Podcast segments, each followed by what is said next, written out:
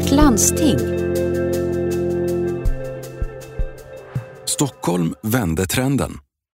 79 procent av patienterna med förmaksflimmer i Stockholm får strokeförebyggande behandling. Det är mycket nära Socialstyrelsens mål på 80 procent. Vid förmaksflimmer ökar risken för stroke. Behandling med blodförtunnande medicin minskar den. Det har man vetat länge. Lika länge har det också varit möjligt att ge patienter sådan behandling. Ändå fanns länge en utbredd underbehandling med blodproppsförebyggande medicin, både i landet som helhet och i Stockholms läns landsting. 2010 fick knappt hälften av de 43 000 patienter som fått en flimmerdiagnos de senaste fem åren i Stockholms läns landsting strokeförebyggande behandling. Bland de som fick behandling fanns en underbehandling med de effektivaste läkemedlen och en överbehandling med de sorter som hade sämre effekt. Samtidigt fick många patienter med låg risk för stroke förebyggande behandling trots att de inte borde ha det, visade en avhandling från Karolinska institutet i våras. När den nya generationens blodförtunnande läkemedel lanserades 2011 riktades ljuset på sambandet mellan förmaksflimmer och risken för stroke.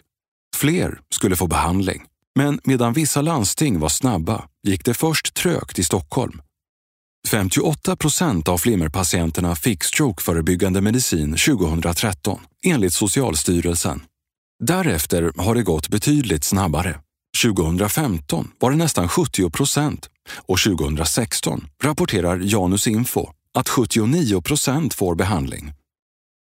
Under samma period ökade antalet personer med flimmerdiagnos och låg i slutet av 2015 på 53 000 personer. Bakom ökningen ligger ett systematiskt arbete som innehåller flera delar, bland annat Ordnat införande. De nya strokeförebyggande läkemedlen blev de första som introducerades i primärvården genom så kallat ordnat införande. Det innebär bland annat att behandlingen introduceras på ett strukturerat och kontrollerat sätt med noga uppföljning. Detta kombinerades med informationsaktiviteter i sjukvården. Noggrann uppföljning av samtliga patienter.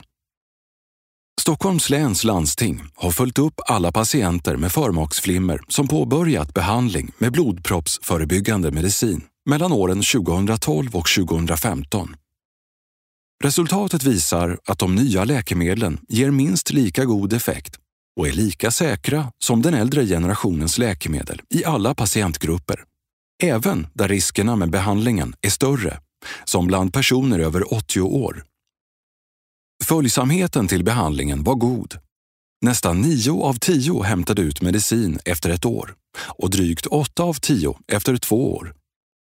Det är viktigt eftersom behandlingen ofta pågår under många år. Uppdaterade rekommendationer 2015 hade kunskapen om och erfarenheten av att använda de nya läkemedlen vuxit sig så pass stor att Stockholms läns landsting rekommenderade dem i Kloka listan, som är Läkemedelskommitténs lista med evidensbaserade läkemedel. Den nya och den äldre generationens läkemedel rekommenderades i lika hög grad men i praktiken ökar andelen som får de nya läkemedlen allt snabbare, även om det fortfarande är fler som står kvar på de äldre.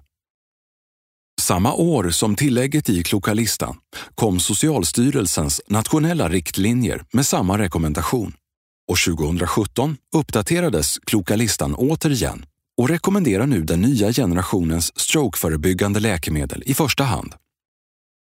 Justeringar i vårdcentralernas ersättningssystem. 2016 ändrades de ekonomiska ersättningarna till vårdcentralerna vid patientbesök. Den fasta ersättningen höjdes och den rörliga för varje patientbesök sänktes istället för tvärtom.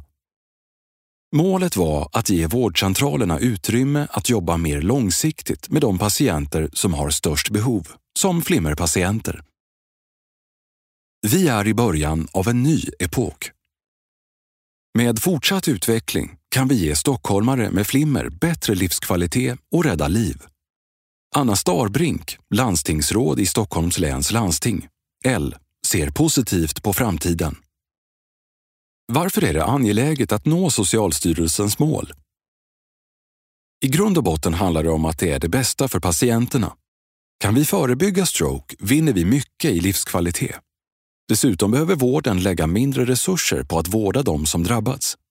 Så det finns både ett mänskligt och ett samhällsekonomiskt perspektiv. Vad har varit avgörande för Stockholms lyft? Att det finns en vilja till utveckling.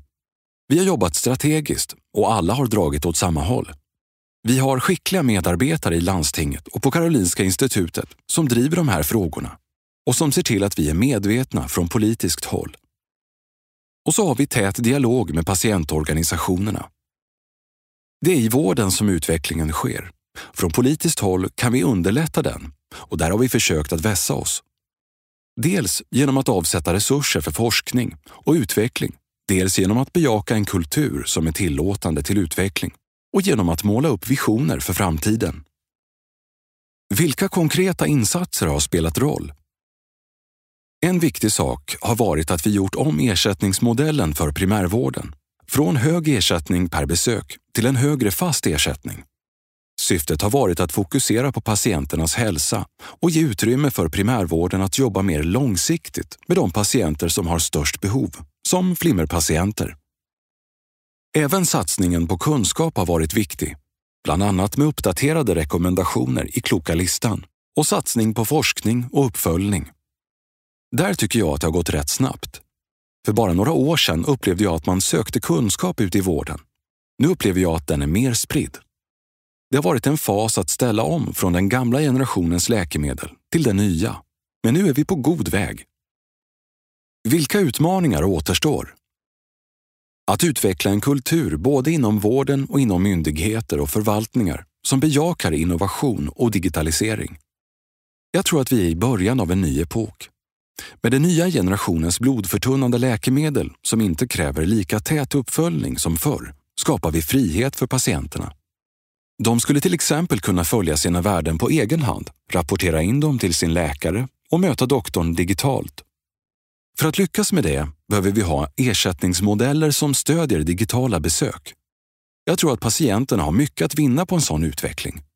Dessutom frigör vi resurser för de patienter som behöver fysisk och tät kontakt med vården. Vad vill du se i framtiden när det gäller att förebygga stroke vid flimmer? Jag önskar mig screening av förmaksflimmer. Vi vet att det finns en tät koppling mellan flimmer och stroke och att många är drabbade av flimmer utan att veta om det. Kan vi hitta fler och ge dem behandling ökar vi livskvaliteten och förlänger liv. Socialstyrelsen valde nyligen att inte rekommendera screening av flimmer. Självklart måste det införas på ett kontrollerat sätt. I Stockholms läns landsting har vi Danderyds sjukhus som i högsta grad är involverad i forskningen. Jag tror att screening ligger i framtiden och att det inte är så långt bort. Vi behöver bara lite mer kunskap först.